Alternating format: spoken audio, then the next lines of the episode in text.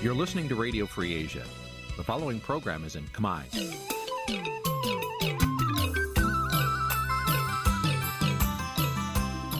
នេះជាកម្មវិធីផ្សាយ Vuthu Azizi Serai នេះជាកម្មវិធីផ្សាយរបស់ Vuthu Azizi Serai ជាភាសាខ្មែរ Vuthu Azizi Serai សូមស្វាគមន៍លោកអ្នកនាងទាំងអស់ពីរដ្ឋធានី Washington នៃសហរដ្ឋអាមេរិកចាប់ពីរដ្ឋធានី Washington នាងខ្ញុំម៉ៅសុធានីសូមជម្រាបសួរលោកអ្នកស្ដាប់ទាំងអស់ជាទីមេត្រីចាយើងខ្ញុំសូមជូនការផ្សាយសម្រាប់ព្រឹកថ្ងៃពុទ្ធ14រោចដាច់ខែចែកឆ្នាំថោះបញ្ញស័កពុទ្ធសករាជ2566ហើយដល់ត្រូវនៅថ្ងៃទី19ខែមេសា គ្រិស្តសករាជ2023 ជាកិច្ចចាប់ផ្ដើមនេះនាងខ្ញុំសូមអញ្ជើញលោកអ្នកនាងកញ្ញាស្ដាប់ព័ត៌មានប្រចាំថ្ងៃដែលមានមេត្តាដូចតទៅសង្គមស៊ីវិលជំរុញអាជ្ញាធរឲ្យរកយុត្តិធម៌ដល់ស្ត្រីរងគ្រោះពីការប្រើអំពើហិង្សារបស់អភិបាលរងខេត្តកែបតំណាងគណៈកោ Nagavel ស្នើដល់តុលាការកុំឲ្យប្រើប្រាស់វីដេអូកាត់តធ្វើជាភស្តុតាងប្រឆាំងពួកគាត់ ប្រពន្ធនិងកូនរបស់សកម្មជនបពប្រឆាំងមិនសង្ឃឹមថាលោកហ៊ុនសែនលើកលែងទោសដល់ប្តីនិងឪពុករបស់ពួកគេនោះឡើយយុវជននិងបរដ្ឋបារម្ភរដ្ឋាភិបាលផ្ដល់អាជ្ញាប័ណ្ណឲ្យក្រុមហ៊ុនឯកជនប៉ះពាល់ដល់ដីស្រែរបស់ពួកគាត់រួមនឹងព័ត៌មានសំខាន់សំខាន់មួយចំនួនទៀតចាជាបន្តទៅទៀតនេះនាងខ្ញុំម៉ៅសុធានីសូមជូនព័ត៌មានទាំងនោះពឺស្ដា ចាលោកនានីយតិមេត្រីអររយៈពេលជាង4ខែមកហើយនេះដែលអាជ្ញាធរកម្ពុជានៅមិនទាន់បានផ្ដន្ទាទោសអតីតអភិបាលរងខេត្តកែបម្នាក់ដែលបានប្រាហិង្សាលើស្ត្រីម្នាក់នៅឡើយមន្ត្រីសង្គមស៊ីវិលផ្នែកសិទ្ធិមនុស្សនៅតែទទូចឲ្យមានការអនុវត្តច្បាប់លើជនប្រព្រឹត្តដើម្បីផ្ដល់យុត្តិធម៌ដល់ជនរងគ្រោះនិងលុបបំបាត់អំពើនេតិនភាពចាសសេចក្តីលើការពីរឿងនេះលោកណានៀងនឹងបានស្ដាប់នាពេលបន្តិចទៀតនេះ thank you ចា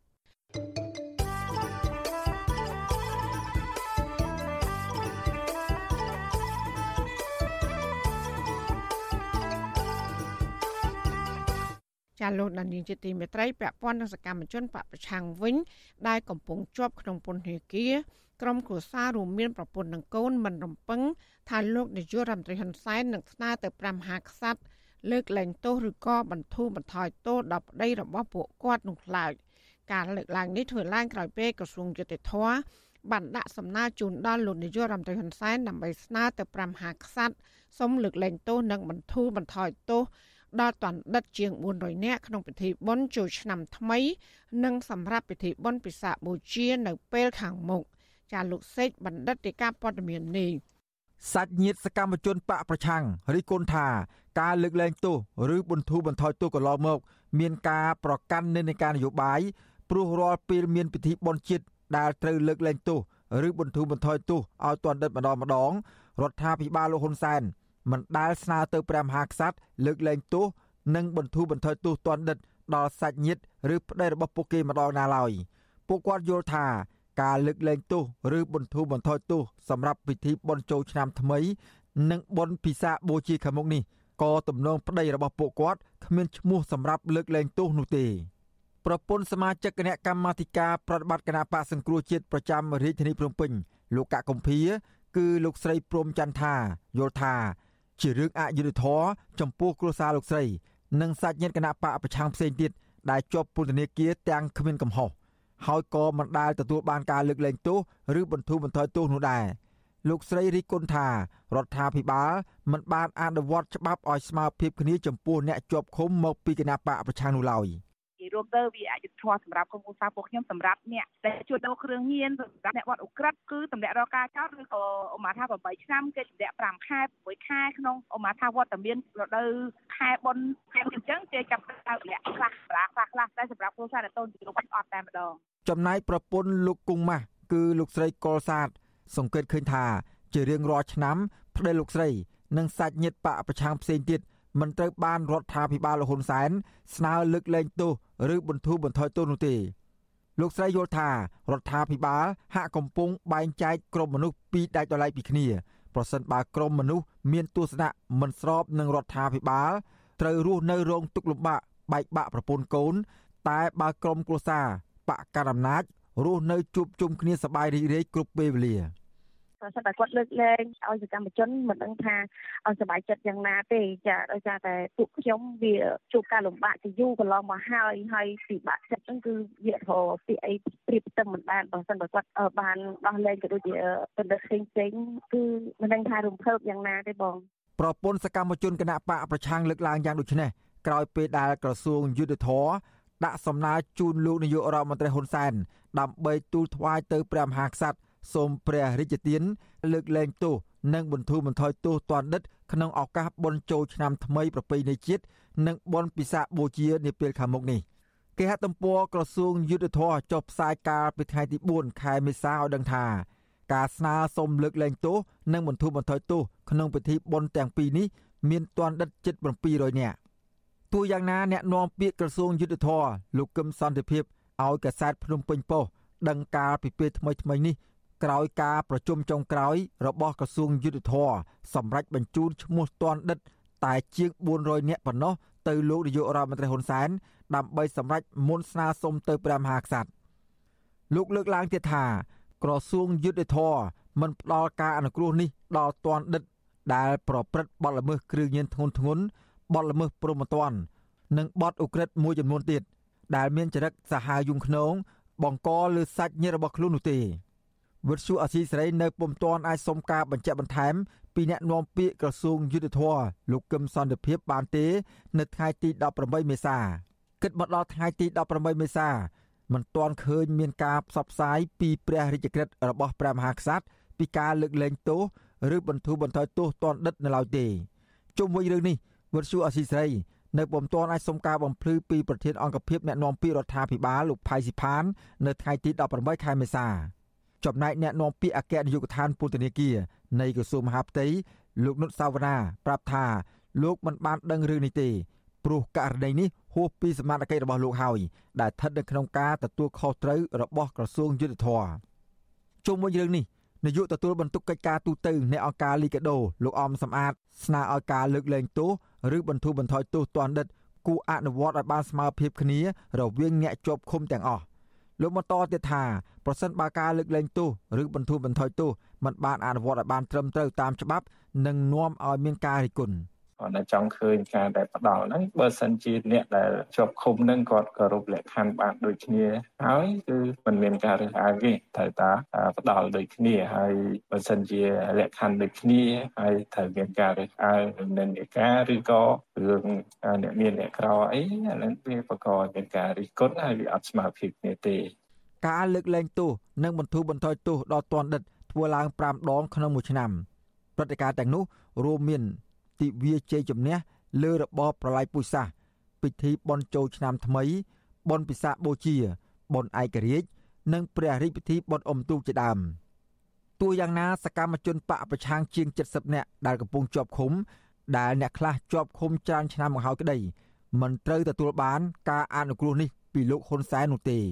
ផ្ទុយទៅវិញលោកហ៊ុនសែនបានស្នើលើកលែងទោសដល់អ ுக ្រិតជនមួយចំនួនដូចជា អតីតអភិបាលខេត្តតាកែវលោកឡាយវណ្ណៈដែលត្រូវជាប់ពន្ធនាគារជាង10ឆ្នាំក្នុងរឿងក្តីឃាតកម្មលើស្ត្រីកំណានរបស់ខ្លួន ចំណែកអុកញ៉ាពីររូបទៀតគឺអុកញ៉ាថោងសារ៉ាត់ជាប់ទោសក្នុងសំណុំរឿងសម្លាប់មនុស្សនិងអុកញ៉ាគិតធៀងដែលជាប់ទោសក្នុងសំណុំរឿងគ្រឿងញៀនក៏ត្រូវបានតុលាការផ្តល់សេរីភាពដោយមិនខ្វល់ពីការរិះគន់ពីមតិមហាជននោះឡើយខ្ញុំបាទសេកបណ្ឌិតវុទ្ធុអាស៊ីសេរីពីរដ្ឋធានីវ៉ាស៊ីនតោន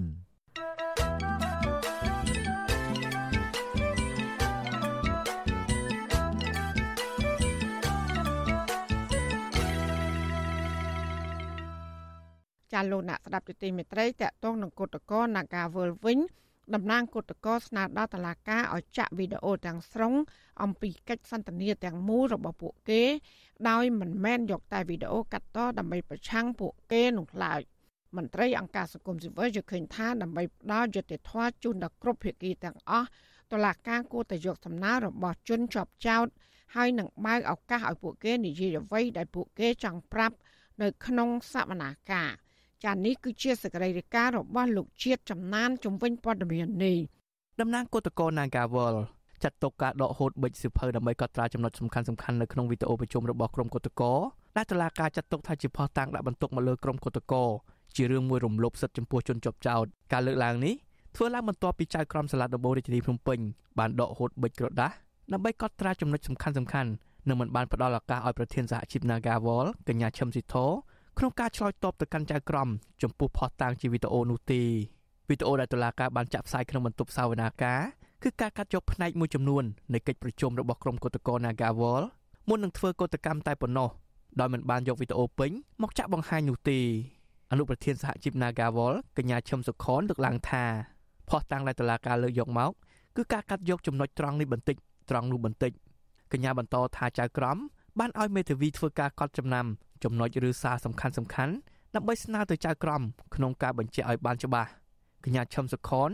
ស្នើដល់តុលាការឲ្យចាក់វីដេអូដែលជាផុសតាងឲ្យបានពេញលេញដើម្បីផ្ដល់យុត្តិធម៌ជូនពួកគេស្រដៀងគ្នានេះគឧតកោ Nagyawal ម្នាក់ទៀតដែលបានចូលស្ដាប់សវនាការនោះកញ្ញាសៀកបញ្ញានិយាយថាចំពោះសំណួរសួរទៅកញ្ញាឈឹមស៊ីធការនៅអគ្គស្នងការពេលដំបូងនិងផុសតាំងដែលបានបង្ហាញក្នុងសវនាការនៅថ្ងៃនេះគឺមិនដូចគ្នានោះទេ កញ្ញាសៀកបញ្ញាបញ្ជាក់ថាក្នុងសវនាការនេះកញ្ញាឈឹមស៊ីធ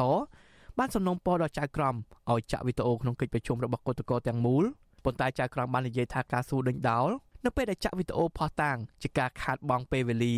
ពេលវេលាវាពិតជាសំខាន់ណាស់ប៉ុន្តែអ្វីដែលសំខាន់ទៀតបងស្រីឈឹមស៊ីធក៏បានលើកឡើងដែរគាត់ពិត ជាចង់ឲ្យការដើរសវនាការនេះលឿនខ្លាំងមែនទែនដើម្បីផ្ដល់យុត្តិធម៌ឲ្យគាត់ប៉ុន្តែអ្វីដែលសំខាន់ជាងពេលវេលាទៀតគឺការដែលរកខុសរកត្រូវរកយុត្តិធម៌មកឲ្យគាត់ដែលជាជនរងគ្រោះឲ្យគេចោទប្រកាន់គាត់តែមកពីវិសុអាស៊ីសេរីមិនអាចតាក់ទងអ្នកនាំពាក្យសាលាដំបូងរាជធានីភ្នំពេញលោកអ៊ីរ៉ានដើម្បីសុំការអធិប្បាយជុំវិញរឿងនេះបានទេនៅថ្ងៃទី18ខែមេសាទោះជាយ៉ាងណាអ្នកនាំពាក្យសមាគមការពារសិទ្ធិមនុស្សអាត់ហុកលោកសង្សានករណាមានប្រសាសន៍ថាជាធម្មតានៅពេលប្រជុំណាមួយ តែងតែមានការពិភាក្សាពីរបៀបនិងការចាត់ចែងការងារនានាលោកបន្តថាសារសម្លេងមួយចំនួនដែលយកមកចាក់នៅក្នុងសាវនាការហាក់បីដូចជាការកាត់តមួយកំណាត់កំណាត់យកមកបង្ហាញតែប៉ុណ្ណោះដូច្នេះពេលដែលស្ដាប់អាចនឹងមានការភ័ន្តច្រឡំលោកបន្ថែមថាសាវនាការគួរតែផ្ដល់ឱកាសដើម្បីឲ្យភាគីជនជាប់ចោតបង្ហាញអ្វីដែលពួកគេឲ្យតុលាការបានដឹងដើម្បីជាផុសតាង និងងាយស្រួលក្នុងការសម្រេចចិត្តសាវនាការលើកទី9របស់តំណាងសហជីព Nagawal បានបញ្ចប់ត្រឹមម៉ោង11:30នាទីព្រឹក ចំណែកឯនៅខាងមុខសាលាដំបូងរាជធានីភ្នំពេញវិញមានគឧតកោក្រុមហ៊ុន Nagawal ប្រមាណ30នាក់ឈរតម្រៀបជួរគ្នាតាមរបងខឿនផ្លូវមានកាន់បដារូបភាពក្រុមកោតកោលើកដៃបោះឆ្នោតគ្រប់គ្រងការធ្វើកោតកម្មជាដើមនិងមានសមត្ថកិច្ចស្លៀកពាក់ឯកសណ្ឋាននិងស៊ីវិលជាច្រើនត្រូវបានពង្រាយឲ្យមកថតរូបនិងខ្លំមើលអ្នកគ្រប់គ្រងសាវនាការតំណាងសហជីព Nagawal តំណាងកោតកោមេធាវីនិងមន្ត្រីអង្គការសង្គមស៊ីវិល នៅតែស្នើដល់ចៅក្រមឲ្យចាក់វីដេអូកិច្ចប្រជុំរបស់កោតកោឲ្យបានពេញលេញនិងផ្ដល់ឱកាសពួកគេក្នុងការបកស្រាយទៅតាមផុសតាំងដែលបានបង្ហាញក្នុងសាវនាការខ្ញុំបាទជាចំណាន Visual Assisray ប្រធានាទី Washington ចាលោកនាងកញ្ញាកំពុងស្ដាប់ការផ្សាយរបស់វិទ្យុអសីស្រីផ្សាយចេញពីរដ្ឋធានី Washington ដំណើរគ្នានឹងស្ដាប់ការផ្សាយរបស់វិទ្យុអសីស្រីតាមបណ្ដាញសង្គម Facebook និង YouTube លោកនាងកញ្ញាក៏អាចស្ដាប់ការផ្សាយរបស់វិទ្យុអសីស្រី តាមរលកធាតុអាកាសខ្លីឬ Short Wave តាមកម្រិតនិងកម្ពស់ដូចតទៅចាពេលព្រឹកចាប់ពីម៉ោង5កន្លះដល់ម៉ោង6កន្លះតាមរយៈប៉ុស SW 12.14 MHz ស្មើនឹងកម្ពស់ 25m ចាប់ប៉ុស SW 13.71 MHz ស្មើនឹងកម្ពស់ 22m ចាសម្រាប់ពេលយប់វិញចាប់ពីម៉ោង7កន្លះដល់ម៉ោង8កន្លះតាមរយៈប៉ុស SW 9.33 MHz ស្មើនឹងកម្ពស់ 32m ប៉ុស SW 11.88 MHz ស្មើនឹងកម្ពស់ 25m និងប៉ុស SW 12.14 MHz ស្មើនឹងកម្ពស់ 25m ចាសសូមអរគុណ ចាលោកអ្នកស្ដាប់ជាទីមេត្រីនៅឯខេត្តព្រៃវែងនៅវិញសកម្មជនគណៈបកភ្លើងទៀន2នាក់នឹងចូលខ្លួនឆ្លើយបំភ្លឺនៅតុលាការខេត្តព្រៃវែងនៅថ្ងៃទី19ខែមេសានេះក្នុងសំណុំរឿងក្លែងបន្លំឯកសារពាក់ព័ន្ធនឹងការរៀបចំ បញ្ជីដាក់ពាក្យបេក្ខជនចូលឈ្មោះបោះឆ្នោតជ្រើសរើសក្រុមប្រឹក្សាគុំសង្កាត់កាលពីឆ្នាំ2022កន្លងមកនេះតាមបណ្ដឹងរបស់មន្ត្រីគណៈបកប្រជាជនកម្ពុជា មន្ត្រីសិទ្ធិមនុស្សអំពាវនាវដល់តុលាការឲ្យអនុវត្តច្បាប់ដោយយុត្តិធម៌ដើម្បីជៀសផុតពីការរិះគន់ពីមហាជនចាអ្នកស្រីសុជីវីរាយការណ៍អំពីរឿងនេះមន្ត្រីគណៈបកភ្លើងទៀននៅស្រុកកំពង់ត្របែកខេត្តព្រៃវែង2នាក់គឺលោកប៊ិនចងនិងអ្នកស្រីសេងវិសាលប្រកាសថាពួកគាត់នឹងចូលបំភ្លឺតាមពេលវេលាដែលតុលាការកោះហៅនៅថ្ងៃទី19ខែមេសាជុំវិញសំណុំរឿងខ្លែងបន្លំឯកសារ រៀបចំបញ្ជីដាក់ពាក្យបេក្ខជនឈរឈ្មោះបោះឆ្នោតជ្រើសរើសក្រុមប្រឹក្សាឃុំសង្កាត់កាលពីខែមិនិនាឆ្នាំ2022ពួកគេរំពឹងថានឹងមានសេរីភាពត្រឡប់មកផ្ទះវិញប្រសិនបើតុលាការឈរលើភាពយុត្តិធម៌ហេរញ្ញគណៈកម្មាធិការប្រតិបត្តិនៃគណៈបកភ្លើងទៀនខេត្តព្រៃវែងអ្នកស្រីសេងវិសាលប្រាប់វិទ្យុអាស៊ីសេរីនៅថ្ងៃទី18ខែមេសាថាអ្នកស្រីបានចូលទៅបំភ្លឺរឿងនេះតាមដីកាកោះហៅរបស់តុលាការម្ដងរួចមកហើយ កាលពីថ្ងៃទី18ខែមករាអ្នកស្រីរំលឹកថាដំបូងឡើយលោកស្រីប៉ងហ៊ុនដែលជាសាច់ញាតិប្អូនរបស់លោកស្រី ធ្លាប់បញ្ជាក់ថាគាត់មិនបានប្តឹងលោកស្រីរឿងរៀបចំបញ្ជីដាក់បេក្ខជនឃុំនោះទេ តែក្រោយមកមេធាវីរបស់គណៈបកកាន់អំណាចឈ្មោះទូចធីរិតដែលអះអាងថាជាតំណាងឲ្យលោកស្រីប៉ងហ៊ុនបានប្តឹងលោកស្រី និងលោកប៊ិនជងពីបទក្លែងបន្លំឯកសារទៅតុលាការខេត្តវិញ មន្ត្រីគណៈបកភ្លឹងទៀនរូបនេះនិយាយថា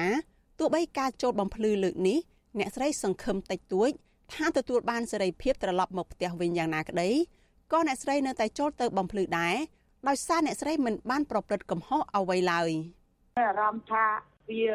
អារម្មណ៍ណែប៉ុន្តែបងតាំងចិត្តថាបងនឹងចូលរំភ្លឺថាតឡាការហ្នឹងបើសិនជាតឡាការយុទ្ធធម៌គឺរយុទ្ធធម៌ខ្ញុំហើយតែបើសិនជាតឡាការដោយគេថាជានីតិមាត់ហ្នឹងអានេះជារឿងរបស់គេផ្សេងហ្នឹងប៉ុន្តែបើសិនជាតឡាការយុទ្ធធម៌ខ្ញុំគឺអត់ត្រូវជាប់គុំទេគឺខ្ញុំរួចព្រោះខ្ញុំមិនបានប្រព្រឹត្តដូចដែលគេចោទស្រដៀងគ្នានេះដែរជំទប់ទី2ឃុំប្រាសាទនៃគណៈបកភ្លើងទៀនស្រុកកំពង់ត្របែកលោកប៊ិនជងលើកឡើងថា ការរៀបចំបញ្ជីឈ្មោះបេក្ខជនឃុំរបស់គណៈបកភ្លឹងទៀននៅពេលកន្លងទៅលោកមិនបានចាប់បង្ខំឬលួចបន្លំឈ្មោះនរណាម្នាក់ដាក់ឈ្មោះទៅគណៈកម្មការឃុំរៀបចំការបោះឆ្នោតដោយគ្មានការអនុញ្ញាតនោះទេខណៈអ្នកខ្លះបានស្នើដកឈ្មោះចេញពីបញ្ជីដោយសារតែពួកគាត់រងការបំផិតបំភ័យនៅពេលនោះប៉ុន្តែលោកឆ្ងល់ថាហេតុអ្វីបានជាមេធាវីរបស់គណៈបកកណ្ដាលអំណាចបែរជាប្តឹងលោកទៅតុលាការទៅវិញ លោកបញ្ជាក់ថាលោកនឹងចូលទៅបំភ្លឺជាមួយមេធាវីគឺលោកសំសុគង្គនៅមុខតុលាការខេត្តតាមពេលវេលាកំណត់ដោយមិនកិច្ចខ្លួនឡើយមិនដែលចេះកោងកាយទៅផ្លៃដំច្រំទៀតណាតិចតែទៅរលឬបងប្អូនណាទៅជាពលរដ្ឋនឹងសង្គមបរំនឹងវាបរំណាស់ហើយប៉ុន្តែយើងធ្វើមិនក៏គេចោតប្រកាន់យើងហើយយើងទៅបំភ្លឺទៅតាមហ្នឹងបើគេចាប់គូចាប់ទៅខ្ញុំនឹងថាមិនក៏ជាងគេប្រឈមនឹងយើងចឹងហើយយើងទៅគិតខ្លួនទៅណាវានាំទៅវែងឆ្ងាយ វិទ្យុអាស៊ីសេរីមិនអាចតកតងแนะនាំពាក្យសាលាដំបងខេត្តព្រៃវែងអ្នកស្រីអាតសុកដើម្បីបញ្ជាក់ជុំវិញរឿងនេះបានទេនៅថ្ងៃទី18ខែមេសាទន្ទឹមនឹងតុលាការក៏ហៅសកម្មជនគណៈបកភ្លើងទៀនទាំងពីរនាក់ឲ្យចូលទៅបំភ្លឺនេះកាលពីថ្ងៃទី11ខែមេសាសមត្ថកិច្ចខេត្តព្រៃវែងបានចាប់ខ្លួនជំទប់ទី2ឃុំកន្សោមអកនៃគណៈបកភ្លើងទៀនគឺលោកអៀងជា និងប្រធានប្រតិបត្តិគណៈបកភ្លើងទៀនស្រុកកំពង់ត្របែកលោកហេងសំអឿន ហើយសាលាដំបងខេត្តព្រៃវែងបានចាត់ប្រកាន់អ្នកទាំងពីរពីបទក្លែងបន្លំឯកសារសាធារណៈនិងបានបញ្ជូនពួកគាត់ទៅឃុំខ្លួនបណ្ដោះអាសន្ននៅពន្ធនាគារនៅក្នុងខេត្តនេះទោះយ៉ាងណាក្រុមគ្រួសារចាត់ទុកការចោទប្រកាន់និងការចាប់ខ្លួនសកម្មជនគណៈបកភ្លើងទៀនទាំងនោះថាជាការធ្វើទុកបុកម្នេញផ្នែកនយោបាយការបោះឆ្នោតជ្រើសរើសតំណាងរាស្ត្រកាន់តែខិតជិតមកដល់រដ្ឋាភិបាលលោកហ៊ុនសែនក៏បង្កើនការបង្ក្រាបលើសម្លេងរិះគន់និងចាប់ខ្លួនអ្នកនយោបាយ ខណៈដែលតុលាការនៅកម្ពុជាត្រូវបានគេវាយតម្លៃថាខ្វះឯករាជ្យមិនទាន់ទទួលបានទំនុកចិត្តពីប្រជាពលរដ្ឋនៅឡើយទេ ជាពិសេសពាក់ព័ន្ធនឹងសំណុំរឿងដែលមានចរិតនយោបាយដើម្បីកំទេចគណៈបកនិងអ្នកនយោបាយប្រឆាំងនៅមុនការបោះឆ្នោតថ្នាក់ជាតិខាងមុខនេះតកតនៅរឿងនេះអ្នកនាំពាក្យសមាគមការពារសិទ្ធិមនុស្សអាត6លោកសឹងសានករណាក៏សម្គាល់ថាសំណុំរឿងតកតនឹងការរៀបចំបញ្ជីបេក្ខជនឃុំសង្កាត់បានកើតឡើងតាំងពីឆ្នាំ2022មកម្លេះ តែពេលនេះតុលាការទើបតែកោះហៅទៅបំភ្លឺនិងចាប់ខ្លួនសកម្មជនគណៈបកភ្លើងទៀនទាំងនោះដាក់ពន្ធនាគារស្របពេលដែលដើមបណ្ដឹងជាមន្ត្រីគណៈបកកណ្ដាលអំណាចដែលជាដៃគូប្រកួតប្រជែងជាមួយគណៈបកភ្លើងទៀនសម្រាប់ការបោះឆ្នោតជាតិនៅពេលខាងមុខនេះមន្ត្រីសង្គមស៊ីវិលរូបនេះព្រួយបារម្ភជាខ្លាំងចំពោះការធ្វើទុកបុកម្នេញតាមរយៈអំពើហិង្សា និងការចាប់ខ្លួនសកម្មជននយោបាយជាបន្តបន្ទាប់មកនេះ យល់ឃើញថា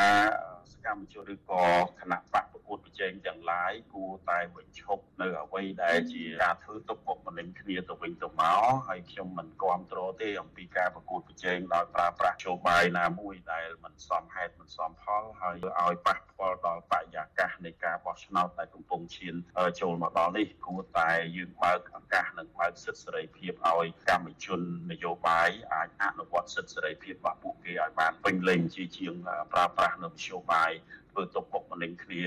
គិតមកដល់ពេលនេះថ្នាក់ដឹកនាំនិងសកម្មជនគណៈបកភ្លើងទៀនចំនួន9នាក់កំពុងជាប់ឃុំហើយពួកគាត់ភ័យច្រើនត្រូវបានតុលាការចោទប្រកាន់ពីបទដូចដូចគ្នា គឺបទក្លែងឯកសារក្រៅពីនេះសកម្មជនគណៈបកនេះជាច្រើនរូបទៀតត្រូវសមត្ថកិច្ចចាប់ខ្លួនដោយអ្នកខ្លះកំពុងជាប់ឃុំ និងអ្នកខ្លះរត់គេចខ្លួនទៅរកទីសុវត្ថិភាព ហើយអ្នកខ្លះទៀតត្រូវជន់មិនស្គាល់មុខគម្រាមសម្លាប់ និងរងអំពើហិង្សាបណ្ដាលឲ្យរងរបួសធ្ងន់ជាហូរហែតែអាជ្ញាធរខកខានស្វែងរកជនល្មើសដើម្បីផ្ដល់យុត្តិធម៌ដល់ជនរងគ្រោះនៅឡើយទេ នាងខ្ញុំសុជីវីវិទ្យុអាស៊ីសេរីពីរដ្ឋធានី Washington ចាលោកដានៀងកញ្ញាកំពុងស្ដាប់ការផ្សាយរបស់វិទ្យុអាស៊ីសេរីផ្សាយចេញពីរដ្ឋធានី Washington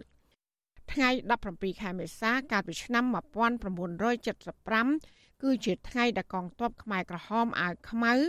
បានវាយកទីក្រុងភ្នំពេញនិងបានជំលះប្រជាពលរដ្ឋដោយបង្ខំឲ្យចាកចេញពីទីក្រុងទៅរស់នៅតាមតំបន់ទីជនបទក្នុងអំឡុងពេល74ឆ្នាំនៃរបបខ្មែរក្រហមបរដ្ឋប្រមាណ72លាននាក់បានស្លាប់បើទោះបីជាពេលវេលាកន្លងទៅអស់រយៈពេល48ឆ្នាំក៏ដោយក៏របបកាប់សម្លាប់មួយនេះហាក់ដូចជានៅថ្មីនៅឡើយនៅក្នុងអារម្មណ៍របស់បរដ្ឋខ្មែរ តើប្រជាប្រដ្ឋទាំងថ្នាក់ដឹកនាំត្រូវរៀនសូត្រអ្វីខ្លះពីរបបខ្មែរក្រហមអាវខ្មៅនេះចាសសេចក្តីរាយការណ៍ពីស្ដាមពីរឿងនេះលោកណានៀងក៏នឹងបានស្ដាប់នាពេលបន្តិចទៀតនេះចាលោកណានៀងជាទីមេត្រីនាងខ្ញុំសូមជម្រាបជូនថាវັດឈូអសីស្រី ចាប់ផ្ដើមការផ្សាយផ្ទាល់កម្មវិធីព័ត៌មាន ទាំងពេលព្រឹកនិងពេលយប់ជាផ្លូវការនៅលើបណ្ដាញសង្គមថ្មីមួយទៀតគឺ បណ្ដាញសង្គម Telegram ចាប់ផ្ដើមពីខែមេសានេះតទៅចាលោកនាងអាចស្វែងរក Telegram ផ្លូវការរបស់វិទ្យុអសីស្រី ដោយស្វែងរកពាក្យថាវិទ្យុអសីស្រីឬ RFA ខ្មែរនៅលើទូរស័ព្ទដៃរបស់លោកនាងចា Telegram ផ្លូវការរបស់វិទ្យុអសីស្រីមានសញ្ញាថឹកដែលជាសញ្ញាសម្គាល់ចាក្រុមការងាររបស់វិទ្យុអសីស្រីនឹងព្យាយាមរិះរកមធ្យោបាយថ្មីថ្មីបន្ថែមទៀត ដើម្បីផ្ដល់ភាពងាយស្រួលដល់លោកអ្នកនាងក្នុងការស្ដាប់និងការទស្សនាការផ្សាយរបស់វិទ្យុអាស៊ីសេរីចាសសូមអរគុណ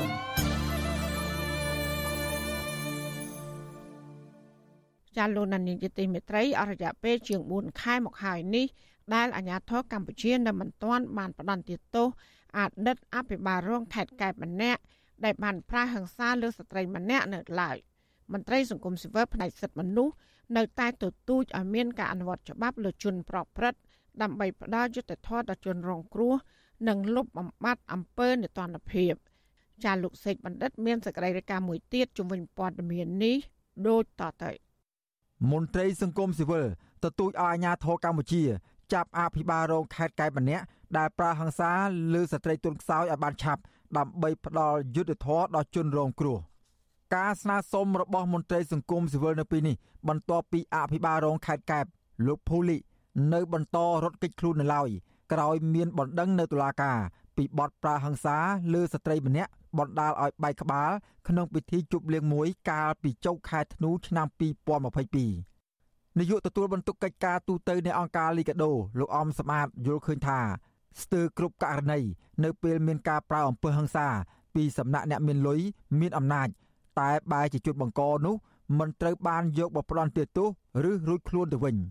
លោកអំសម្បត្តិបន្តថាការដែលសមត្ថកិច្ចនៅមិនទាន់អាចផ្ដន់ទោសអតីតអភិបាលរងខេត្តកែបលោកភូលិកនោះគឺជាឧទាហរណ៍ដ៏សាមញ្ញមួយនៃការអនុវត្តច្បាប់ស្តង់ដារ2 គឺជារឿងមួយដែលជាគំរូអាក្រក់ណាដែលធ្វើឲ្យអឺមានការរិះគន់ច្រើនហើយគេអាចលើកឡើងថាការអនុវត្តច្បាប់ហ្នឹងហាក់ដូចជាមិនស្មើភាពគ្នាប៉ុន្តែបើសិនជាគាត់ជាអ្នកអឺមិនមានអំណាចឬក៏គាត់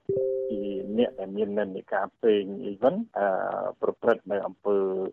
ហិង្សាដូចនេះបាទជាត្រូវបានចាប់ខ្លួននិងអនុវត្តតាមផ្លូវច្បាប់ភ្លាមៗណាបាទ លោកអមសំអាតបន្ថែមថាដើម្បីស្មារភាពគ្នាចំពោះមុខច្បាប់ ដើម្បីយុត្តិធម៌ចំពោះជនរងគ្រោះនិងដើម្បីជៀសវាងករណីបែបនេះកើតឡើងបន្តទៀតលោកទទូចឲ្យអាជ្ញាធរផ្ដន់ទោសទៅតាមច្បាប់ទៅលើអតីតអភិបាលរងខេត្តកែបរូបនេះអ្នកនាំពាក្យសមាគមអាត6លោកសឹងសានករណា លើកឡើងថា បើតាមអង្គហេតុគ្រប់គ្នាសុទ្ធតែដឹងថាអតីតអភិបាលរងខេត្តកែបបានប្រើហិង្សាលើស្ត្រីពិតប្រាកដមែន ហើយប្រសិនបើមិនមានការផ្ដន់ទោសទៅលើជនប្រព្រឹត្តនោះទេអំពើនីតិរដ្ឋភាពបែបនេះនឹងបន្តកើតមានទៀតចឹងហើយយើងទទូចឲ្យសមត្ថកិច្ចពាក់ព័ន្ធក៏ដូចជាខាងតុលាការត្រូវតែអនុវត្តច្បាប់ទៅលើជនដែលបានប្រព្រឹត្តល្មើសច្បាប់នឹងជៀសវាងកុំឲ្យអំពើបែបហ្នឹងចេះតែកើតមានហើយកើតមានទៀតនៅក្នុងសង្គមខ្មែរយើងវុទ្ធុអសីស្រីនៅពុំទាន់អាចសុំការឆ្លើយតបពីស្នងការនគរបាលខេត្តកែបលោកសម្បត្តិសុធិរត និងអ្នកនាំពាក្យអាយកាសាលាដំបូងខេត្តកែបលោកសឿនមុនីរតបាននៅឡើយទេនៅថ្ងៃទី18មេសាតែទោះយ៉ាងណាអ្នកនាំពាក្យអាយកាសាលាដំបូងខេត្តកែបលោកសឿនមុនីរតធ្លាប់បានលើកឡើងថាសមត្ថកិច្ចជំនាញកំពុងចាត់វិធានការខណៈសំណុំរឿងនេះនៅពុំទាន់ដល់ថ្ងៃកំណត់ឲ្យជនសង្ស័យចូលខ្លួនមកតាមដីកាកោះនៅឡើយទេលោកហ៊ុនសែនបានចេញអនុក្រឹត្យមួយនៅថ្ងៃទី31ខែធ្នូដោយដកមុខតំណែងទូនាទីរបស់លោកភូលី ចេញពីអភិបាលរងខេត្តកែបអនុក្រឹត្យនេះចេញរយៈពេល2ថ្ងៃប៉ុណ្ណោះក្រោយពីលោកភូលីរងការចោទប្រកាន់ថាបានបៀតបៀននិងប្រើអំពើហិង្សាលើស្ត្រីម្នាក់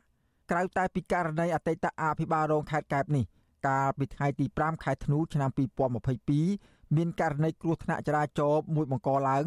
ដោយរថយន្តបុកម៉ូតូមួយគ្រឿងនៅលើស្ពានជ្រោយចង្វាបណ្ដាលឲ្យពលរដ្ឋចំនួន2នាក់រងរបួសធ្ងន់ ក្នុងនោះក៏បណ្ដាលឲ្យទីរិកាអាយុ2ខែម្នាក់ស្លាប់ហើយសមត្ថកិច្ចក៏នៅមិនទាន់អាចចាប់ជនបង្កមកផ្ដន់ទោសទៅតាមច្បាប់នៅឡើយទេចំណែកករណីមួយទៀតកាលពីថ្ងៃទី22ខែវិច្ឆិកាឆ្នាំ2013រថយន្តទំនើបរបស់លោកជាមយាបជាតំណាងរាស្ត្រនិងជាមន្ត្រីជាន់ខ្ពស់របស់គណៈបកប្រជាជនកម្ពុជា បានបុកប្តីប្រពន្ធដែលកំពុងជិះម៉ូតូនៅលើដងផ្លូវជាតិលេខ1នៅម្ដុំគៀនស្វាយបណ្ដាលឲ្យប្រពន្ធស្លាប់នៅនឹងកន្លែងកើតហេតុ និងប្តីរបួសធ្ងន់ហើយលោកជាមយាបបានរត់យករួចខ្លួន ដែលមិនទាន់បានផ្ដល់ជំនួយបន្ទាន់ដល់ជនរងគ្រោះនោះទេ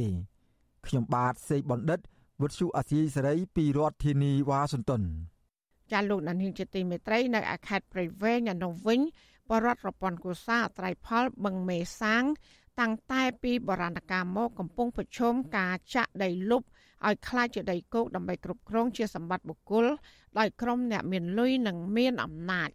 ចាបរដ្ឋរដ្ឋប្រគូសានៅខេត្តនេះក៏បានផ្តិតមេដៃស្នើឲ្យអាជ្ញាធរជួយការពារបឹងធម្មជាតិនេះក៏ប៉ុន្តែគ្មានបានផលនោះឡើយចាលោកមានរដ្ឋិកាព័ត៌មាននេះពលរដ្ឋរស់នៅក្នុងភូមិចំនួន20ពាត់ជុំវិញបឹងមេសាង ក្នុងឃុំចំនួន4នៃស្រុកមេសាងខេត្តព្រៃវែងព្រួយបារម្ភអំពីជោគវាសនាបឹងធម្មជាតិមួយនេះដែលបានក្លាយជាដីគោករាក់ជាបណ្ដាបណ្ដាដែលមានផ្នែកខ្លះត្រូវបានគេធ្វើរបងហុំព័ទ្ធរំលោភយកអស់ជាច្រើនហិកតាដោយក្រុមអ្នកមានលុយមានអំណាចនៅរយៈពេល5ឆ្នាំចុងក្រោយនេះអ្នកភូមិចាត់ទុកបឹងធម្មជាតិមួយនេះថាជាអាងស្តុកទឹកដ៏ធំផ្ដល់ប្រយោជន៍ច្រើនយ៉ាងដល់ប្រជាកសិករធ្វើកសិកម្មនិងជាកន្លែងនេសាទត្រីយ៉ាងសំខាន់របស់ពលរដ្ឋ ព្រះសង្ឃគង់នៅវត្តមួយក្នុងស្រុកមេសាង គឺព្រះដេចគុណផនភ័ណ្ឌមានធរដីកាថាបច្ចុប្បន្នសកម្មភាពចាក់ដីលុបបឹងធម្មជាតិមួយនេះនៅតែបន្តដើម្បីយកដីគ្រប់គ្រងជាសម្បត្តិបុគ្គលធ្វើរាំងស្ទះដល់ចរន្តទឹកហូរនាខែវស្សានៅពេលដែលមានភ្លៀងធ្លាក់ច្រើនហើយអាចបង្កជាគ្រោះមហន្តរាយទឹកជំនន់ ព្រះអង្គមានថេរដីកាបន្ថែមថា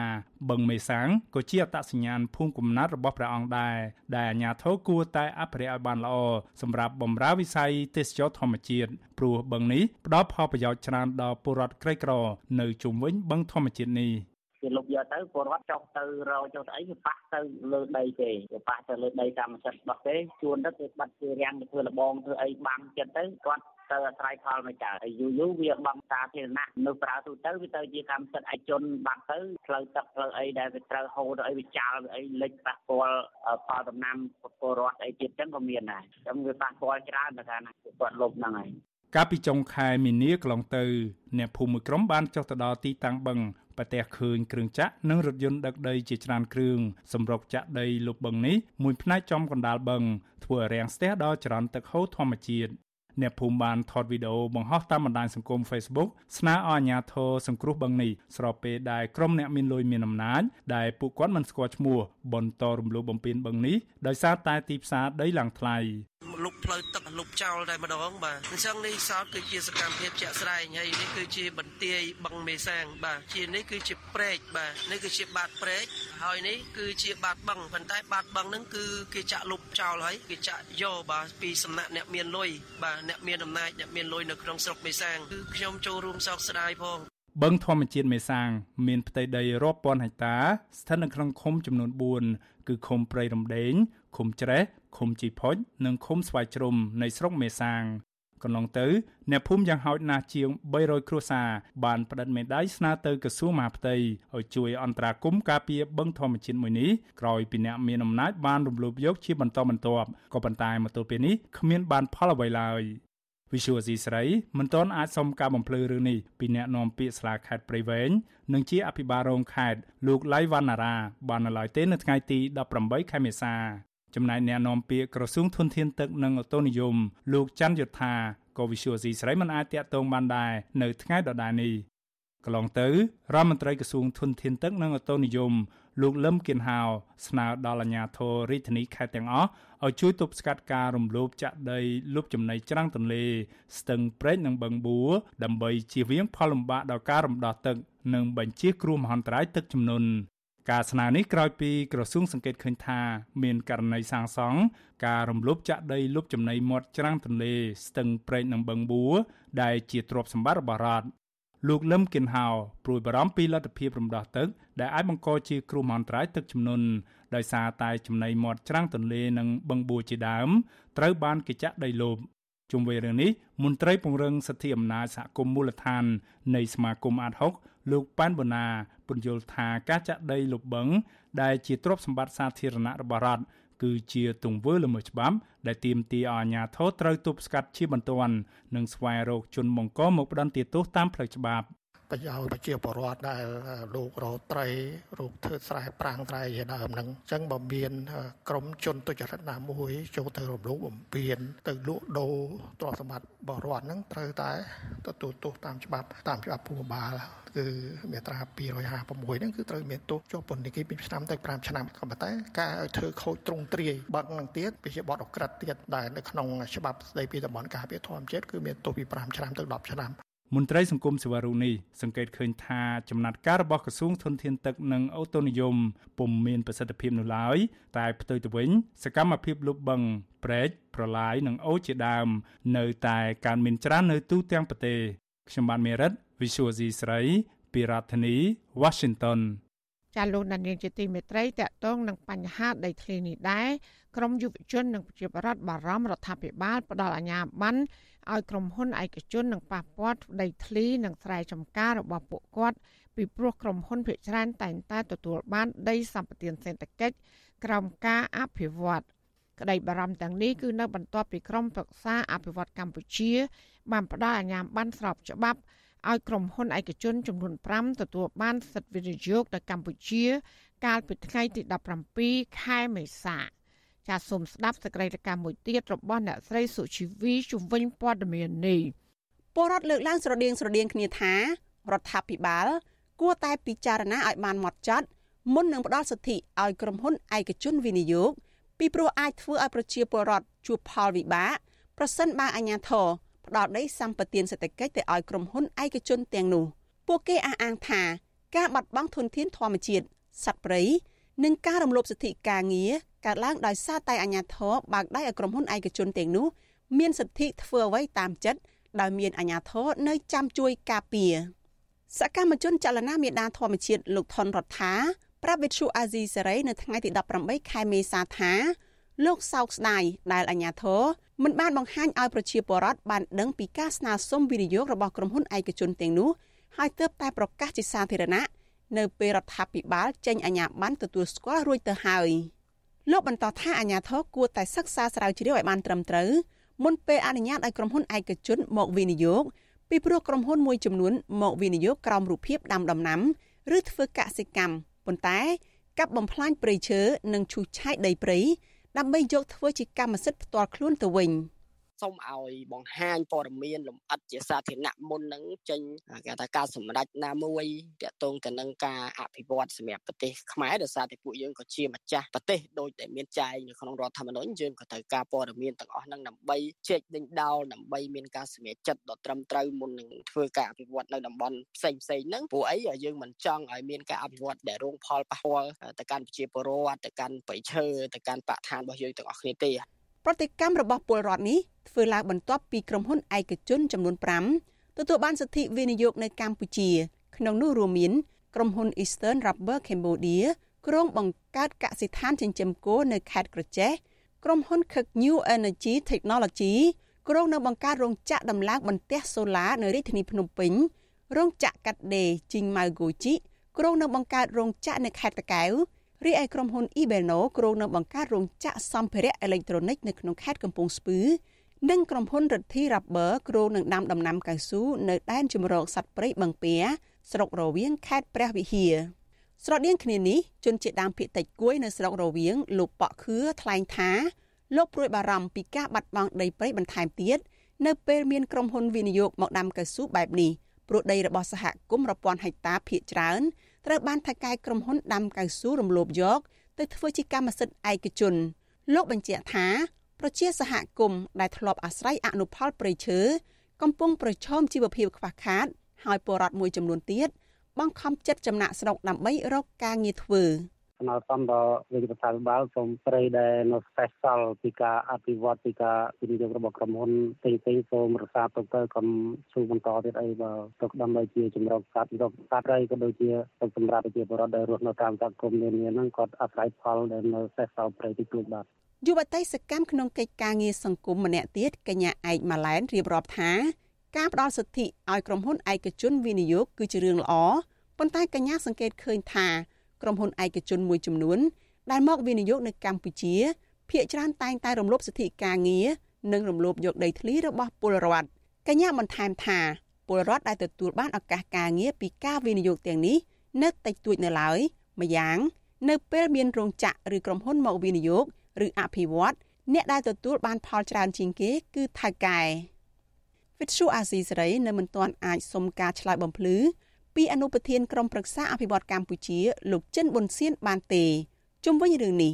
នាយកទទួលបន្ទុកកិច្ចការទូតនៃអង្គការលីកាដូលោកអំសំអាតមានប្រសាសន៍ថាអាញាធរគួរតែចុះពិនិត្យនិងវាយតម្លៃនៅតាមទីតាំងដែលក្រុមហ៊ុនឯកជនស្នើសុំបើកដំណើរការ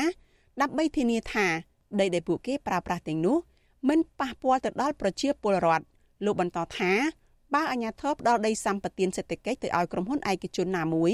គួរតែគិតពីផលប្រយោជន៍របស់ប្រជាពលរដ្ឋជាធំ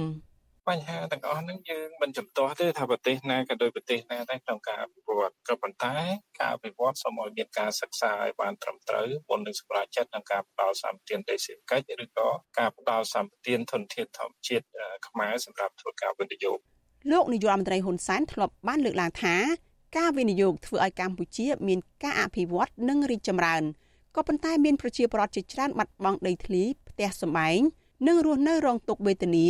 ដោយសារតែការរំលោភយកដីរបស់ពលរដ្ឋនិងមានថៅកែក្រុមហ៊ុនមួយចំនួនរំលោភច្បាប់ការងារជាដើមជាក់ស្ដែងកាលពីឆ្នាំ2011ក្រុមហ៊ុនទ្រីភិបទទួលបានសិទ្ធិវិនិយោគពីរដ្ឋាភិបាលលើផ្ទៃដីជាង9000ហិកតាស្ថិតនៅក្នុងដែនជម្រកសត្វព្រៃបឹងពែខេត្តព្រះវិហារដែលធ្វើឲ្យព្រៃស្រោងសម្បូរទៅដោយដើមឈើផលិតជាប់ទឹករបស់ពលរដ្ឋត្រូវបានក្រុមហ៊ុនបើកទីតាំងកាប់រំលំឈើធ្វើអាជីវកម្ម និងឈូសឆាយទន្ទ្រានដីព្រៃខុសច្បាប់ដើម្បីដាំកៅស៊ូនាងខ្ញុំសុជីវីវិទ្យុអាស៊ីសេរីពីរដ្ឋធានី Washington ាលោកដានៀងជាទីមេត្រីក្នុងឱកាសនេះដែរនាងខ្ញុំសូមថ្លែងអំណរគុណដល់លោកដានៀងកញ្ញាទាំងអស់ដែលតែងតែមានភក្ដីភាព ចំពោះការផ្សាយរបស់យើងហើយចាត់ទុកការស្ដាប់វិទ្យុអសីសេរី គឺជាផ្នែកមួយនៃសកម្មភាពប្រចាំថ្ងៃរបស់លោកអ្នក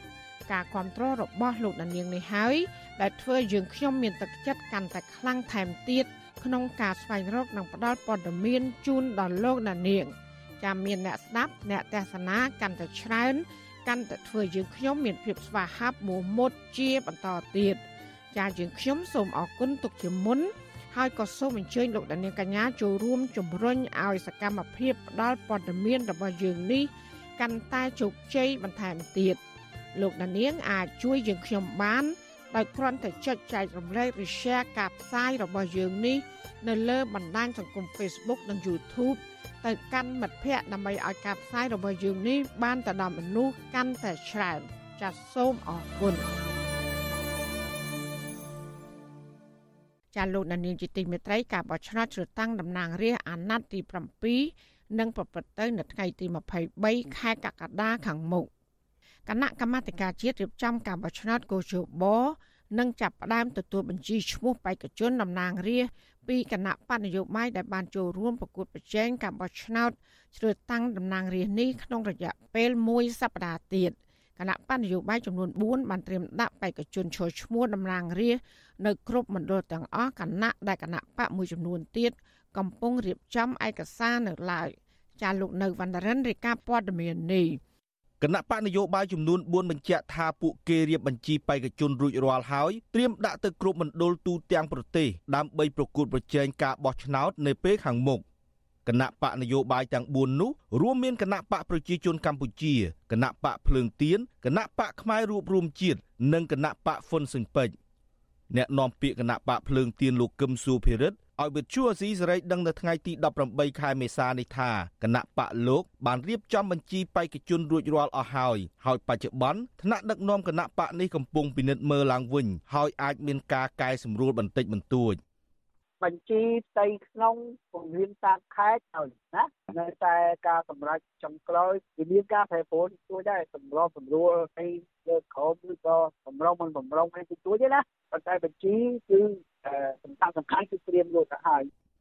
អ្នកនាំពាក្យគណៈបកផ្នែករួបរวมជាតិលោកបិទទៀវបញ្ជាក់ថាគណៈបករបស់លោកក៏ត្រៀមបញ្ជីបេក្ខជនរួចរាល់ហើយដែរក្នុងការដាក់បេក្ខជនទៅគ្រប់មណ្ឌលចំណែកអ្នកនាំពាក្យគណៈបកហ្វុនស៊ិនពេជ្រលោកញឿនរ៉ាដែនបញ្ជាក់ថាគណៈបកលោកមានបទពិសោធន៍ច្រើននៅក្នុងការរៀបចំបញ្ជីបេក្ខជនលោកបន្តថាការបោះឆ្នោតអាណត្តិទី7នេះគណៈបកលោកបានរៀបចំបញ្ជីបេក្ខជនរួចរាល់ហើយ ហើយរងចាំថ្ងៃដាក់ឈ្មោះទៅកោជបតែប៉ុណ្ណោះវិទ្យុអាស៊ីសេរីមិនអាចតាក់ទងแนะនាំពាក្យគណៈបកប្រជាជនកម្ពុជា លោកសុកអេសានដើម្បីសូមការអធិប្បាយជុំវិញបញ្ហានេះបាននៅឡើយទេនៅថ្ងៃទី18មេសានេះក៏ប៉ុន្តែលោកបានបញ្ជាក់ប្រាប់អាស៊ីសេរីកាលពីចុងខែមីនាថាគណៈបករបស់លោកក៏បានរៀបចំបេក្ខជនតំណាងរាស្ត្រនិងរៀបចំក្រុមការងាររួចរាល់អស់ហើយលោកបន្តថាគណៈបករបស់លោក សម្បូរទាំងធនធានសម្រាប់ចំណាយនិងធនធានមនុស្សធ្វើនយោបាយចុះទៅដល់មូលដ្ឋានជួបប្រជាជនទូទាំងប្រទេសអាហ្នឹងយើងមានមនុស្សច្រើនណាស់ពីព្រោះថាយើងសម្បូរធនធានមនុស្សដូច្នេះមិនខ្វះទេអ្នកធ្វើការងារនយោបាយដើម្បីទៅចុះជាប់ជាមួយមហាជនប្រជាជននៅតាមឃុំសង្កាត់ទូទាំងប្រទេសបាន ទន្ទឹមនឹងគណៈបកនយោបាយរៀបចំបេក្ខជនតំណាងរាស្ត្ររបស់ខ្លួនអ្នកធ្វើការផ្នែកលើកម្ពស់ Gender ក៏កំពុងធ្វើយុទ្ធនាការជំរុញឲ្យបង្កើនចំនួនបេក្ខជនជាស្ត្រីដែរក៏ប៉ុន្តែគណៈបកទាំង4នោះមិនទាន់មានគោលការណ៍នៅក្នុងការកំណត់ចំនួនស្ត្រីនៅក្នុងបញ្ជីបេក្ខជនតំណាងរាស្ត្រនៅឡើយទេដោយបញ្ជាក់ថាផ្អែកទៅលើសមត្ថភាពនិងការប្រកួតប្រជែងផ្ទៃក្នុង។ ក៏ប៉ុន្តែអ្នកនាំពាក្យគណៈបកទាំងនេះលើកឡើងប្រហាក់ប្រហែលគ្នាថាគណៈបករបស់ពួកគេជំរុញលើកទឹកចិត្តនិងផ្ដល់ឱកាសច្រើនដល់ស្ត្រីទោះយ៉ាងណាអ្នកសម្របសម្រួលកម្មវិធីអប់រំនឹង Gender នៃអង្គការ Confrel អ្នកស្រីសឿនកេតសេរីលក្ខមានប្រសាសន៍ថាសមត្ថភាពស្ត្រីបច្ចុប្បន្ននេះមិនមានជាការចោទនោះទេបើសិនជាគណៈបកនយោបាយបង្កើតគោលនយោបាយជាក់លាក់នៅក្នុងការបង្កើនចំនួនស្ត្រីនោះ។ បើបើយើងមើលទៅនៅក្នុងស្ត្រីនៅនៅថ្នាក់ជាតិយើងឃើញតាមរយៈការដែលយើងធ្វើកិច្ចការជាមួយស្ត្រីភាគច្រើនលោកមានការយល់ដឹងច្រើនមានបទពិសោធន៍ហើយការនិយាយស្ដីការធ្វើកិច្ចការងារគាត់មានមានភាពប្រសើរមែនទែនយើងមិនចង់ប្រៀបធៀបនឹងបរិសុទ្ធទេប៉ុន្តែយើងអាចនិយាយថាសមត្ថភាពមិនមែនជាឧបសគ្គសម្រាប់ស្ត្រីសំខាន់ឧបសគ្គដែលធំគឺការផ្ដល់ឱកាសឲ្យស្ត្រីខ្លាចជាអ្នកដឹកនាំទាំងថ្នាក់ជាតិនិងថ្នាក់ក្រោមជាតិ តាមប្រតិទិនសម្រាប់ការបោះឆ្នោតអាណត្តិទី7នេះនឹងប្រព្រឹត្តទៅនៅថ្ងៃទី23ខែកក្កដាខាងមុខដើម្បីជ្រើសតាំងតំណាងរាស្ត្រចំនួន125រូបទូទាំងប្រទេសការកំណត់ទទួលបញ្ជីឈ្មោះបេក្ខជនពីគណៈបកនយោបាយនឹងចាប់ផ្ដើមនៅថ្ងៃទី24ខែមេសាដល់ថ្ងៃទី5ខែឧសភា គឺមានរយៈពេល15ថ្ងៃខ្ញុំបាទនៅវណ្ណរិន With Chu Azizi Serai ពីរដ្ឋធានី Washington ចា លោកនាងជាទីមេត្រីវັດឈុអសីស្រីសូមជូនដំណឹងថាយើងគ្មានអ្នកយកព័ត៌មានប្រចាំទៅប្រទេសកម្ពុជានោះឡើយបើសិនជាមានជនណាម្នាក់អះអាងថាជាអ្នកយកព័ត៌មានឲ្យវិទ្យុអសីស្រីនៅកម្ពុជានោះគឺជាការក្លែងបន្លំយកឈ្មោះរបស់វិទ្យុអសីស្រី ក្នុងគោលបំណងទុច្ចរិតរបស់បុគ្គលនោះចាសសូមអរគុណ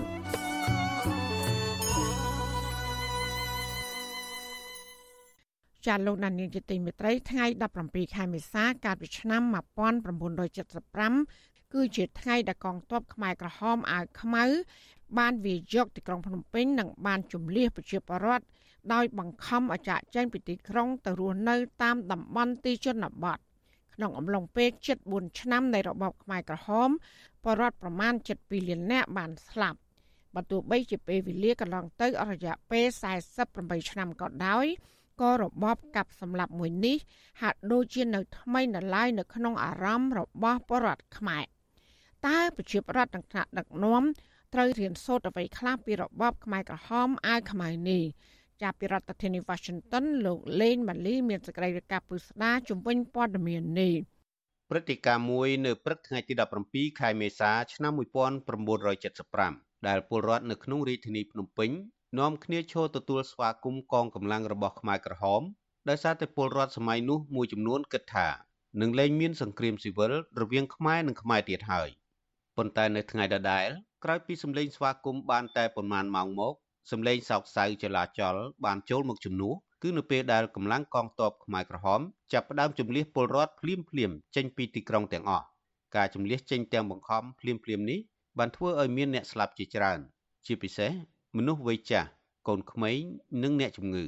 របាយការណ៍របស់សាលាក្តីខ្មែរក្រហមបង្ហាញថារយៈពេល3ឆ្នាំ8ខែ20ថ្ងៃរបបខ្មែរក្រហមបានសម្លាប់មនុស្សអស់ចន្លោះពី1លាន8សែនទៅ2លាន2សែននាក់ការសម្លាប់នេះក្រោមរូបភាពនៃការបង្ខំឲ្យធ្វើការហួសកម្លាំងផ្ដល់អាហារតិចតួចឬគ្មានសោះការធ្វើទារុណកម្មនិងយកទៅសម្លាប់បន្ទាប់ពីការចោទប្រកាន់ផ្សេងៗ ទោះជារបបនេះបន្សល់នឹងការឈឺចាប់ខ្លាំងដល់ប្រជាពលរដ្ឋនិងបំផ្លិចបំផ្លាញធ្ងន់ធ្ងរដល់សង្គមក៏ដោយក៏មិនមានមេដឹកនាំណាម្នាក់ក្នុងរបបនោះប្រកាសទទួលខុសត្រូវឡើយ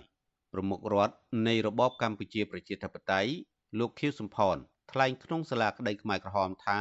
លោកមិនបានដឹងអ្វីទាំងអស់ចំពោះការកាប់សម្លាប់នានានៅក្នុងសម័យខ្មែរក្រហមដោយលោកបញ្ជាក់ថាលោកក៏រស់នៅក្នុងស្ថានភាពលំបាកដោយពលរដ្ឋទូទៅដែរហើយមានការទទួលខុសត្រូវ តិចជាងលោកហ៊ុនសែនផងហើយខ្ញុំក៏មិនអាចទទួលខុសត្រូវអំពើដែលគេចោទនោះដែរខ្ញុំយកឧទាហរណ៍ដូចជាលោកហ៊ុនសែនជាដើមលោកហ៊ុនសែនលោកក៏តើលោកទទួលខុសត្រូវនឹងអំពើរបស់ខ្មែរក្រហមទេហើយខ្ញុំវិញខ្ញុំក៏រឹតតែមិនដូចលោកហ៊ុនសែនទៅទៀតខ្ញុំអត់ដឹងអីទាំងអស់ សម្រាប់មេរៀនជាប្រវត្តិសាស្ត្រសាស្ត្រាចារ្យសម្បូរម៉ាណារ៉ាលើកឡើងថាខ្មែរក្រហមអាចប្រើកម្លាំងទ័ពវាយដណ្ដើមយកអំណាចបានដោយសាររដ្ឋាភិបាលសម័យសាធារណរដ្ឋចុះខ្សោយខ្លាំងមូលហេតុចម្បងមួយ ដែលធ្វើឲ្យរដ្ឋាភិបាលលោកលន់នល់ចុះខ្សោយលោកសម្បូរម៉ាណារ៉ាមើលឃើញថា គឺដោយសារអំពើពុករលួយធ្ងន់ធ្ងរពីព្រមមន្ត្រីវិជានៅសម័យលោកលន់នល់ពេលហ្នឹងអាងអាងទៅខ្លួនឯងមិនពុករលួយទេប៉ុន្តែអ្នកដឹងមិនដឹង នាំគ្នាលក់សម្បត្តិរដ្ឋនាំគ្នាលក់អាវុធដែលបានមកពីអាមេរិកកាំងនាំគ្នាលក់ស្អីទាំងអស់ដើម្បីចង់ទៅបានឲ្យរត់គេចខ្លួនទៅបរទេសចឹងអ្នកដែលទៅបរទេសគេចខ្លួនទៅបរទេសខ្ញុំប្រាប់គេគេចខ្លួនសំខាន់ខ្ញុំលោកបន្តថាអំពើពុករលួយនេះធ្វើឲ្យប្រជាពលរដ្ឋជួបការលំបាកហើយរងការគៀបសង្កត់ខ្លាំងពីអ្នកមានប្រាក់មានអំណាចជាមូលហេតុមួយដែលធ្វើឲ្យពលរដ្ឋទៅគ្រប់គ្រងចលនារបស់ក្រុមខ្មែរក្រហមវិញជារៀនបទពិសោធន៍ជីវិតគឺការជិះជាន់ ការដែលយើងទៅនាំគ្នានឹងមើលអ្នកទៀតនឹងហើយជិះជាន់គ្នាប្រមាថគ្នាធ្វើបាបគ្នារហូតទៅដល់មានបញ្ហាខ្មែរក្រហម ដឹកនាំបកកុម្មុយនីសកម្ពុជា ដែលមានប៉ុលពតឬសឡុតសជាប្រធាន បានហៅរបបនយោបាយថ្មីថា កម្ពុជាប្រជាធិបតេយ្យរបបនេះចាប់ផ្ដើមដឹកនាំប្រទេសបែបផ្ដាច់ការហើយអ្វីៗដែលតំណាងឲ្យរបបសង្គមចាស់ត្រូវហាមឃាត់ដាច់ខាត សិទ្ធិនយោបាយនិងសិទ្ធិសេរីភាពទាំងឡាយរបស់ពលរដ្ឋត្រូវបានបំបិទទាំងស្រុងដូចជាការគោរពប្រតិបត្តិសាសនា បំបិទសាលារៀនមិនមានអ្នកសារព័ត៌មានគ្មានតុលាការជាដើមរីឯកិច្ចការបរទេសវិញខ្មែរក្រហមមានទំនាក់ទំនងជាមួយតែប្រទេសកុម្មុយនីសដែលមានចិនជាអ្នកគ្រប់គ្រងដ៏ចម្បងខ្មែរក្រហមក៏បានអនុវត្តនយោបាយទឹកឡើងត្រីស៊ីស្រមោចទឹកហោចស្រមោចស៊ីត្រី ដោយបានសម្លាប់ទាហាន និងមន្ត្រីរាជការព្រមទាំងបញ្ញវន្តនៃរបបមុនមុនដើម្បីបន្សុទ្ធរបបថ្មីដែលពួកគេថា ចេញពីវណ្ណៈកសិករ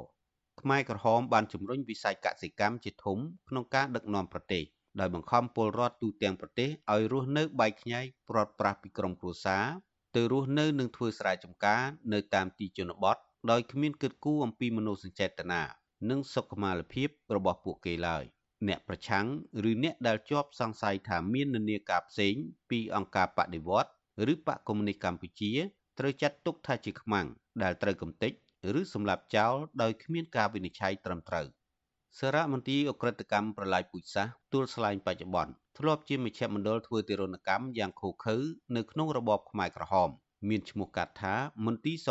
21ជនរងគ្រោះជិត20000នាក់ដែលភ ieck ច្រើនជាយោធានិងកម្មាភិបាលខ្មែរក្រហម ហើយមានជនបរទេសផងត្រូវបានចាប់យកទៅធ្វើទារុណកម្មសួរចម្លើយដើម្បីរកខ្សែរយៈក្បត់បន្ថែម ហើយចុងក្រោយយកទៅសម្លាប់ចោលនៅវាលពិឃាតបឹងជើងឯកជាលទ្ធផលក្រោមការដឹកនាំរបស់ខ្មែរក្រហម មនុស្សប្រមាណ2លាននាក់បានបាត់បង់ជីវិតដោយសារការសម្លាប់ការធ្វើពលកម្មបាក់កម្លាំងការអត់អាហារនិងការគ្មានថ្នាំព្យាបាលជំងឺរបបកម្ពុជាប្រជាធិបតេយ្យឬរបបខ្មែរក្រហមត្រូវបានផ្ដួលរំលំដោយកងទ័ពវៀតណាម ដណ្ដើមកាន់កាប់ទីក្រុងភ្នំពេញនៅថ្ងៃទី7ខែមករាឆ្នាំ1979មេរៀនប្រវត្តិសាស្ត្រដែលធ្វើឲ្យសង្គមខ្មែរបែកបាក់នៅពេលនោះរួមមានអំពើពុករលួយអយុត្តិធម៌សង្គមការគៀបសង្កត់លើពលរដ្ឋទុនខ្សោយ និងឥទ្ធិពលពីបរទេសនេះហាក់បន្តលងសង្គមខ្មែរនៅសម័យនេះបន្តទៀតរបាយការណ៍អង្គការតម្លាភាពអន្តរជាតិចេញផ្សាយនៅដើមឆ្នាំ2023បង្ហាញថា កម្ពុជានៅតែមានស្ថានភាពពុករលួយធ្ងន់ធ្ងរគឺកម្ពុជាជាប់លេខ150ក្នុងចំណោម180ប្រទេសនៅលើពិភពលោកចំណែករបាយការណ៍គម្រោងយុតិធធពិភពលោកឆ្នាំ2022បង្ហាញថាកម្ពុជាជាប់លេខ139ក្នុងចំណោម140ប្រទេសដែលជាប្រទេសពូកែខាងរំលោភច្បាប់ខណៈស្ថានភាពបច្ចុប្បន្នពលរដ្ឋកំពុងរងគ្រោះដោយសារអំពើពុករលួយ និងអំពើអយុត្តិធម៌សង្គមនេះ ប្រទេសលោកសេរីមួយចំនួន រួមមានទាំងសហរដ្ឋអាមេរិកបានចោទថាកម្ពុជាផ្ដល់ឆ្នេរសមុទ្ររៀមឲ្យចិនបង្កើតជាមូលដ្ឋានទ័ពចំពោះអំពើអយុត្តិធម៌សង្គមលោកសខេងរដ្ឋមន្ត្រីក្រសួងមហាផ្ទៃក៏យល់ថាជាមូលហេតុមួយ ដែលនាំឲ្យសង្គមបែកបាក់របបលន់នល់ដួលរលំក៏ដោយសារអំពើអយុត្តិធម៌ហើយរបបខ្មែរក្រហមដួលរលំក៏ដោយសារអំពើអយុត្តិធម៌សង្គមកាប់សម្លាប់ពលរដ្ឋតាមអំពើចិត្ត លោកសខេងណែនាំដល់មន្ត្រីរបស់លោកកុំឲ្យបង្កការឈឺចាប់ដល់ប្រជាពលរដ្ឋដូចសម័យខ្មែរក្រហមហើយបើធ្វើតាមដោយរបៀបប៉ុលពតយើងដឹងទាំងអស់គ្នាហើយគឺមិនខ្ចីស្ដាប់មិនខ្ចីរវល់ពីប្រជាពលរដ្ឋហើយគិតតែពីនាំគ្នាកាប់សម្លាប់កាប់សម្លាប់ប្រជាពលរដ្ឋអត់ដឹងខ្យល់អីអត់មានកំហុសហើយរហូតដល់កាប់សម្លាប់គ្នាឯងដឹកនាំកម្ពុជានោះអញ្ចឹងបានគេហៅថាកម្មរបស់គាត់ទីបំផុតគាត់ត្រូវតែដួលរលំហើយ បាក់បែកខ្ទេចខ្ទីមានសេះសល់អីទស្សនវិជ្ជានៅក្នុងសម័យខ្មែរក្រហមក្រៅពីផ្ដាល់មេរៀនដល់ថ្នាក់ដឹកនាំក្រោយៗទៀតឲ្យមានការប្រុងប្រយ័ត្ននោះប្រជាពលរដ្ឋក៏គួរយកចិត្តទុកដាក់រៀនសូត្រដែរអ្នកសិក្សាផ្នែកកិច្ចការនយោបាយនិងសង្គមលោកប៉ៅមករាលើកឡើងថាជាទម្លាប់មិនល្អមួយ ដែលប្រជាពលរដ្ឋតែងតែប្តេជ្ញាផ្ដួលទាំងស្រុងហើយទុកចិត្តឲ្យអ្នកនយោបាយសម្រេចចិត្តលើកិច្ចការដឹកនាំប្រទេសតាមចិត្តដល់ពេលរងគ្រោះ គឺពលរដ្ឋជាអ្នករងគ្រោះលោកប៉ោមករាជំរុញពលរដ្ឋឲ្យរៀនសូត្រពីសម័យខ្មែរក្រហមហើយប្រែខ្លួនទៅជាប្រជាពលរដ្ឋតាមដាន និងចូលរួមសកម្មភាពនយោបាយយើងជាប្រតិកម្មយើងត្រូវតែតាមដានតាមដានអ្នកនយោបាយតាមដានការអនុវត្តគោលនយោបាយរបស់អ្នកនយោបាយយើងតាមតាមតាមដានការអភិវឌ្ឍប្រទេសយើងដល់ណាដល់ណីហើយហើយជាពិសេសគឺតាមដានខ្លួនឯងនិងការអភិវឌ្ឍខ្លួនឯងឲ្យទៅជាពលរដ្ឋល្អទៅជាពលរដ្ឋដែលជួយផ្នែកណាមួយនៃសង្គមជាតិរបស់ខ្លួនឯង ស្ថានភាពនៅក្នុងសង្គមបច្ចុប្បន្នប្រជាពលរដ្ឋហាក់មានការភ័យខ្លាចចំពោះរឿងនយោបាយដោយមានការពោលពាក្យថា អ្នកនយោបាយបើមិនស្លាប់ក៏ជាប់គុកឬរត់ចោលស្រុកប៉ុន្តែចំពោះអ្នកនាំពាក្យសមាគមការពារសិទ្ធិមនុស្សអាតហុកលោកសង្សានករណាវិញលោកជំរុញពលរដ្ឋឲ្យរៀនសូត្រនិងចូលរួមតាមដានកិច្ចការសង្គមនានាដែលច្បាប់បានផ្ដល់សិទ្ធិឲ្យលោកបន្តថាបើពលរដ្ឋមិនស្វែងយល់មិនចូលរួម ការពារយុត្តិធម៌សង្គម ចូលរួមសកម្មភាពនយោបាយទេនោះអាចនឹងរងគ្រោះដោយសារតែអ្នកនយោបាយមួយក្រុមដូចសម័យខ្មែរក្រហមទៀតបើសិនជាមិនបានចូលរួមឲ្យបានច្បាស់លាស់ទេមិនបានយល់ដឹងទេច្បាស់ណាស់ឱកាសនេះនឹងបានទៅដល់អ្នកនយោបាយឬក៏អ្នកដឹកនាំនយោបាយអាចធ្វើឲ្យពួកគេបានទទួលបាននៅអំណាចណាឬក៏ទទួលបាននៅទ្រព្យសម្បត្តិទទួលបាននៅ ឱកាសគ្រប់យ៉ាងដែលគេអាចធ្វើឲ្យប្រជាពលរដ្ឋធ្វើឲ្យប្រទេសជាតិធ្លាក់ចុះឬក៏រីកចម្រើនអាស្រ័យទៅលើក្រមអ្នកនយោបាយទាំងអស់នោះឯងលោកកែមលីអតីតអ្នកវិភាគបញ្ហាសង្គមល្បីឈ្មោះមួយរូបលោកលើកឡើងថាបើអ្នកមិនធ្វើអ្វីសោះក្នុងការប្រឆាំងភាពអយុត្តិធម៌នៅក្នុងសង្គមនោះទេថ្ងៃណាមួយរូបអ្នកឬគ្រួសារអ្នកគង់តែរងគ្រោះដោយសារតែទង្វើនេះចំណែកលោកច័ន្ទសវេតអតីតមន្ត្រីជាន់ខ្ពស់របស់សមាគមការពារសិទ្ធិមនុស្សអាត់ហុក លើកឡើងថា បើអ្នកមានបាយហើយខ្វះសិទ្ធិសេរីភាព នោះពេលណាមួយអ្នកនឹងបរិភោគបាយនោះមិនកើតមេរៀនដែលរំលឹកដល់មេដឹកនាំកុំឲ្យធ្លាក់ខ្លួនជាអ្នកទោសប្រវត្តិសាស្ត្រក្នុងការធ្វើឲ្យសង្គមអន្តរាយនោះគឺគួរយកចិត្តទុកដាក់ក្នុងការដឹកនាំប្រទេសដោយផ្អែកលើច្បាប់ត្រឹមត្រូវពង្រឹងប្រព័ន្ធយុត្តិធម៌និងទប់ស្កាត់កុំឲ្យមានអំពើពុករលួយ ចំណែកពលរដ្ឋត្រូវតាមដាននិងចូលរួមជំរុញមេដឹកនាំឲ្យធ្វើការសម្រេចចិត្តឲ្យបានត្រឹមត្រូវដោយផ្អែកលើច្បាប់ខ្ញុំបាទលេងម៉ាលីវិទ្យុអស៊ីសេរីពីរដ្ឋធានី Washington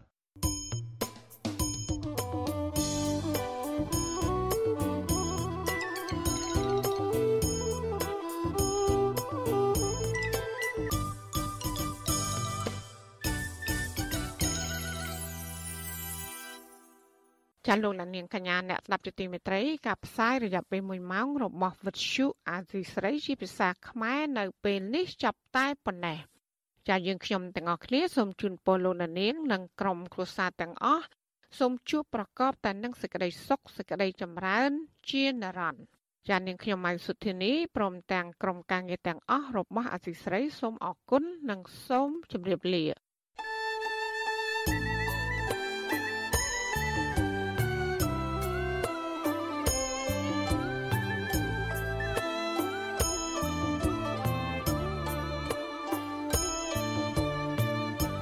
វិទ្យុអាស៊ីសេរីផ្សាយតាមរលក ធាតុអាកាសខ្លីតាមកម្រិត និងកម្ពស់ដូចតទៅនេះពេលព្រឹកចាប់ពីម៉ោង5កន្លះដល់ម៉ោង6កន្លះតាមរយៈប៉ុស SW 12.14 MHz ស្មើនឹងកម្ពស់ 25m និងប៉ុស SW 13.71 MHz ស្មើនឹងកម្ពស់ 22m ពេលយប់ចាប់ពីម៉ោង7កន្លះដល់ម៉ោង8កន្លះតាមរយៈប៉ុស SW 9.33 MHz ស្មើនឹងកម្ពស់ 32m ប៉ុស SW 11.88 MHz ស្មើនឹងកម្ពស់ 25m និងប៉ុស SW 12.14 MHz ស្មើនឹងកម្ពស់ 25m លោកអ្នកនាងក៏អាចស្ដាប់និងទស្សនាការផ្សាយផ្ទាល់នៅលើគេហទំព័ររបស់ Vuthu Azizi Saray តាមរយៈអាស័យដ្ឋាន rfa.org/ ខ្មែរក្រៅពីនេះ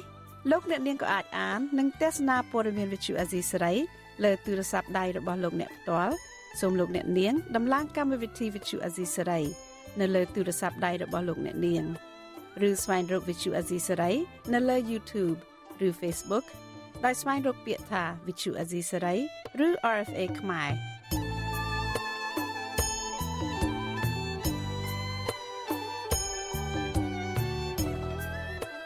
សូមលោកអ្នកនាងចុច like follow និងចុច subscribe ដើម្បីទទួលបានព័ត៌មានថ្មីៗទាន់ហេតុការណ៍ និងទស្សនាវីដេអូផ្សេងៗទៀតបានគ្រប់ពេលវេលា។